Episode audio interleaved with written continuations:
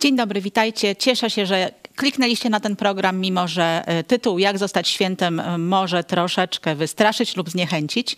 E, oczywiście tematyka jest związana z zbliżającymi się świętami wszystkich świętych, a chciałabym się podzielić takimi myślami Y, jakie jest rozumienie y, świętych y, w Biblii? Będę się opierała głównie na Nowym Testamencie.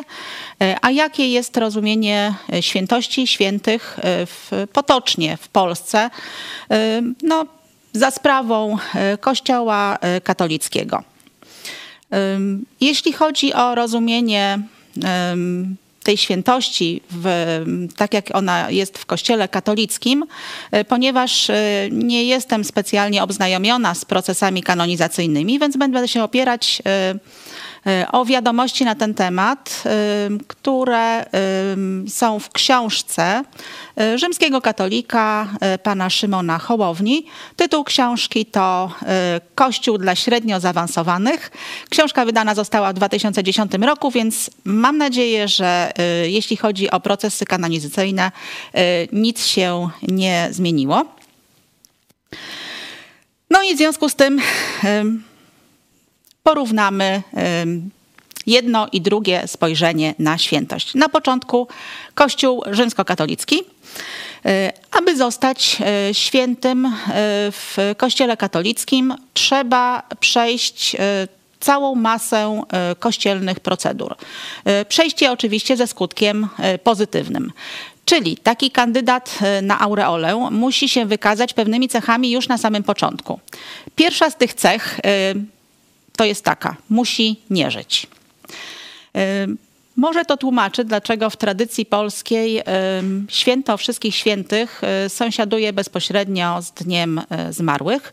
W każdym razie musi być trupem, żeby w ogóle można było myśleć o procesie czy beatyfikacyjnym, czy kanonizacyjnym. Drugi warunek e, to odpowiednie CV czyli musi wykazać się e, cnotami. Najlepiej, żeby i ich ilość i jakość e, była w stopniu wysokim. E, jeśli chodzi o jakość, to najlepiej w stopniu najwyższym, czyli są to tak zwane cnoty w stopniu heroicznym. I trzeci warunek, ten warunek jest od XI wieku. Otóż kandydat musi wykazać się cudem jak wygląda taki proces. Y, sama bym go nie opisała, więc skorzystam z tego, jak opisał y, autor wspomnianej przeze mnie książki. Otóż, y, Współczesna kanonizacja przypomina skrzyżowanie procesu sądowego z kampanią promocyjną wprowadzającą na rynek nowy produkt. Humorystycznie, więc rozumiem, że jest to skrzyżowanie procesu sądowego badającego wnikliwie y, życiorys kandydata y, i jakiegoś działania marketingowego promującego po prostu daną osobę w społeczności katolickiej. Pierwszy krok to na początku musi się znaleźć y, osoba, która do biskupa zgłosi wniosek o rozpoczęcie procesu sprawdzającego heroiczność cnót danej osoby. E, tutaj jest pewna e, równouprawnienie czy e, sprawiedliwość, bo tą osobą zgłaszającą do biskupa wniosek może być zarówno osoba duchowna, jak i świecka. Sprawdzanie kosztuje masę pieniędzy, a to dlatego, że E, potrzebne są ekspertyzy, które są przez kościelne instytucje zamawiane, więc trzeba opłacić historyków na przykład, e, albo różnego autoramentu biegłych, e, albo teologów, najczęściej wszystkich do kupy oraz na przykład medyków sądowych, zwłaszcza, że Często jest tak, że osoba kandydująca na y, stanowisko świętego jest przenoszona z miejsca swojego pochówku y, do kościoła. Co następnie? Y, otóż taka standardowa kanonizacja wymaga kilkuset ekspertyz. W czasach współczesnych, może to tłumaczy ten fenomen, więcej jest świętych duchownych niż świeckich. To można to zrozumieć, bo jeśli to jest taka masa ekspertyz, na które trzeba, żeby osoby zgłaszające danego kandydata wysupłały pieniądze, no to wiadomo, że mm, kandydat tych osób, za którymi stoją poważne firmy, tu przypomina mi się Ziemia Obiecana i dyskusje na temat różnych kościołów. Takie firmy jak no, zakony albo diecezje. Łatwiej jest stać na wszczęcie takiego procesu beatyfikacyjnego czy kanonizacyjnego niż osoby świeckie. Osoby świeckie nie odpadają jednak w przedbiegach, ponieważ one też mogą założyć różne fundacje i stowarzyszenia, e, żeby finansować e, swojego kandydata. Jeśli e, jest po sprawdzaniu tych cnót heroiczności, cnót na lokalnym stopniu, wstępna akceptacja danej osoby, zgromadzone dokumenty, papiery przesyła się do Rzymu. Nawet bywa, że jest to kilka tysięcy stron. Teraz co dalej? Następnie y, no, te wszystkie e, strony muszą być przetłumaczone w Rzymie na język włoski, e, sprawdzone przez ekspertów, czy nie ma żadnych luk prawnych oraz e, sprawdzone na nieobecność herezji. I dopiero kiedy przez tych wszystkich ekspertów są sprawdzone, takie akta docierają do y, fachowców watykańskich, którzy na podstawie tych akt y, piszą książkę Życiorys Świętego. Y, życiorys ten jest następnie dyskutowany na rozmaitego rodzaju sesjach. Co ciekawe, jeśli błogosławiony ma zostać świętym, to nie ma kontynuacji tego procesu, tylko jakby świętość to jest oddzielny proces i cała machina zaczyna się e, od nowa. Pytanie, czy to się opłaca, bo e, wszczęcie procesu i opłacenie tych wszystkich ekspertów to jest koszt, e, przynajmniej jak było podane w książce, czyli na 2010 rok jej wydania, około kilkudziesięciu do kilkuset tysięcy złotych. Otóż księża, którzy e, biorą udział w tych procesach kanonizacyjnych, mówią, że jak najbardziej tak, te koszty się zwracają, ponieważ jeśli e, kandydat zostanie uznany za świętego, to grup takiego świętego podnosi prestiż danego kościoła, e, a jeśli e, dana e, placówka stanie się sanktuarium, to wtedy to już, zwłaszcza jeśli to będzie takie sanktuarium znane nie tylko w kraju, ale i na świecie, to już ilość pielgrzymek, turystów zapewnia wielokrotny zwrot poniesionych kosztów. Te koszty to oczywiście nie tylko uczęszczający na nabożeństwa y, y, katolicy czy pielgrzymi, turyści, y, czyli nie tylko wzrost dochodów z tacy, ale również cała machina marketingowa, czyli mm, wszystkie dewocjonalia, wszelkie sprzedawane gadżety od kubków, broszur, obrazków, breloczków, i tak dalej, i tak dalej. Jak już wspomniałam, jednym z warunków e, koniecznych e, jest od XI wieku, a dokładnie od roku 1088, to, że kandydat e, musi się wykazać cudem. Na błogosławionego wystarczy jeden pozytywnie rozpatrzony cud, natomiast na świętego musi ich być więcej, czyli dwa lub więcej. Z obowiązku cudu zwolnieni są tylko y, męczennicy. Reszta y, tym cudem y, musi się wykazać.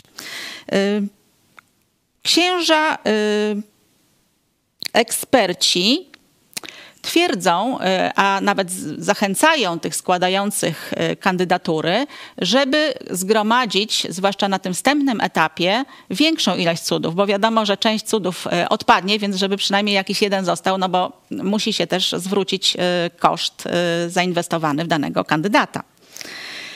Jeśli chodzi o te cuda od XI wieku, było to związane z tym, że no, mimo tych wielu ekspertyz, no do końca nie można było być pewnym y, osoby kandydata. Więc y, no a taki cud po prostu jakby rozwiewa wszelkie wątpliwości, no bo skoro y, przez danego świętego dokonują się cuda, no to znaczy, że chyba eksperci jednak się nie pomylili i to święty jest. Jak się ocenia prawdziwość takiego cudu? No, to są kolejne koszty i kolejni eksperci. Książki przytoczę tylko jeden przypadek. Y, jest to przypadek kanonizacji Urszuli Leduchowskiej z 2003 roku. Otóż za potwierdzenie świętości Urszuli uznano cud uratowania życia Daniela Gajewskiego. Ten młody człowiek porażony prądem, e, zeznał, że od wtyczki osobiście odciągnęła go e, później już święta Urszula Leduchowska. Oczywiście zebrała się całe gremium ekspertów, którzy debatowali, e, czy od tej wtyczki mógł się jakoś odłączyć sam. Stwierdzono, że, że nie. W związku z czym święta Urszula Leduchowska w procesie kanonizacyjnym przeszła. Może tyle, jeśli chodzi o proces kanonizacyjny i jak można zostać świętym w Kościele rzymskokatolickim. E, a teraz chciałabym się zastanowić e, nad tym, jak według Biblii, e, kim są może według Biblii chrześcijańscy święci. Poproszę pierwszy slajd. E, wszystkie slajdy przygotowałam dla Was e, z Nowego Testamentu. E, możecie po parametrach przeczytać je sobie potem, sami sprawdzać. To są tylko jedne z mówiące o świętych, ale wszystkie inne są bardzo do nich podobne. I tak w dziejach apostolskich, rozdział 9, wers 13, ta sytuacja dotyczy Ananiasza, który miał przyjąć apostoła Pawła. Y, dzieje się w Damaszku. Y, Ananiasz jeszcze nie jest pewny y, nawrócenia apostoła Pawła, a wcześniej tenże apostoł był faryzeuszem, który prześladował chrześcijan. I Ananiasz mówi tak: Panie, słyszałem od wielu o tym mężu, ile złego wyrządził świętym Twoim w Jerozolimie. Kolejny fragment, Dzieje Apostolskie 9:32, y, tym razem dotyczy apostoła Piotra. I stało się, że Piotr, obchodząc wszystkich, przyszedł też do świętych, którzy mieszkali w Lyddzie. Widzicie więc, że no raczej nie y, odwiedzał Piotr y, zmarłych, tak samo jeśli chodzi o y, apostoła Pawła, mówimy o ludziach żywych. Mówimy też y, o świętych w liczbie mnogiej, więc to nie są jakieś pojedyncze y, osoby. Kolejny fragment z dziejów apostolskich, rozdział 26, werset 10, dotyczy mowy apostoła Pawła, jego świadectwa nawrócenia y, y, i Paweł tą mowę ma ona miejsce przed królem Agryppą. Tutaj Paweł opowiada, y, co się działo, kiedy jeszcze był przed nawróceniem. I mówi w ten sposób: A gdy otrzymałem pełnomocnictwo od arcykapłanów, wtrąciłem do więzienia wielu świętych kiedy zaś skazywano ich na śmierć, ja głosowałem za tym. Jak widzicie, tak samo. Są to osoby żyjące, osoby, które były ewidentnie związane z y, uwierzeniem w Jezusa Chrystusa, bo właśnie takich faryzeusz wtedy Saul, czyli przyszły apostoł Piotr prześladował. Poproszę kolejne slajdy. Kolejny z listu do Filipian, rozdział 4, wers 21. Y, tutaj apostoł Paweł pozdrawia po prostu lokalny kościół Filipi i pisze w ten sposób: Pozdrówcie każdego świętego w Chrystusie Jezusie. E, list do Rzymian, werset e, drugi rozdziału 16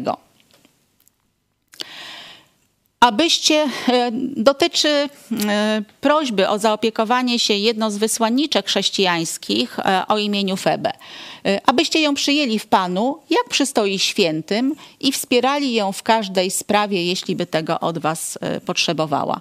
I chociażby z Efezjan 4:12, aby przygotować świętych do dzieła posługiwania, do budowania ciała Chrystusowego. Widać jasno, że po pierwsze nie ma tu mowy o żadnych umarłych, że święci występują z reguły w liczbie mnogiej i nikt szczególnie nie jest wykazywany i że te zwroty odnoszą się do y, lokalnych kościołów Jezusa Chrystusa. A zatem święci, zgodnie z Słowem Bożym, zgodnie z Nowym Testamentem, to chrześcijanie, po prostu Kościół Jezusa Chrystusa. Wszyscy chrześcijanie są świętymi i są powołani do y, świętości. Y, są świętymi na mocy tylko i wyłącznie na mocy ich związku z Jezusem Chrystusem. Nie na mocy ich czynów, jakichś działań, nie na mocy ich cnót mniej lub bardziej heroicznych, tylko i wyłącznie na mocy zaufania Jezusowi Chrystusowi od czasu nawrócenia. Są świętymi.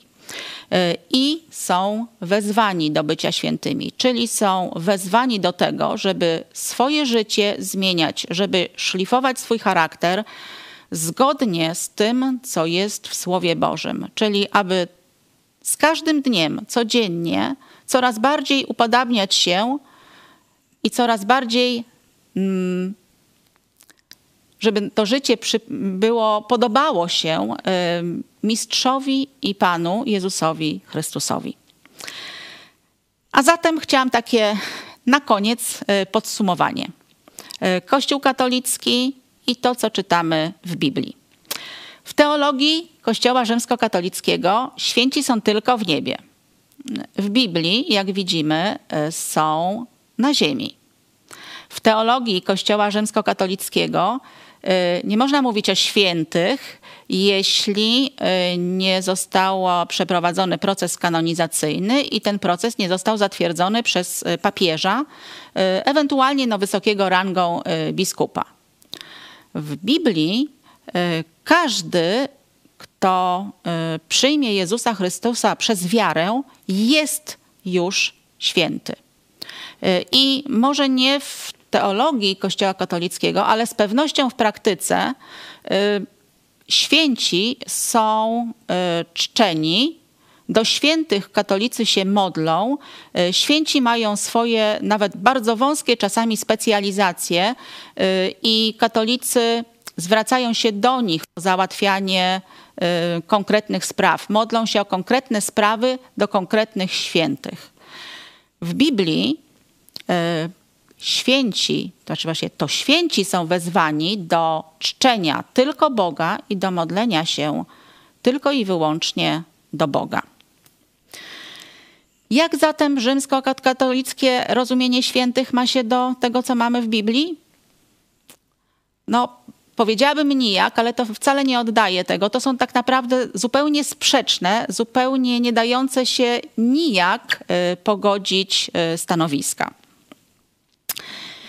I właściwie e, z tymi fragmentami Biblii e, i e, no tak, żebyście się po prostu zastanowili nad tymi kwestiami, chciałabym Was zostawić. Dzięki.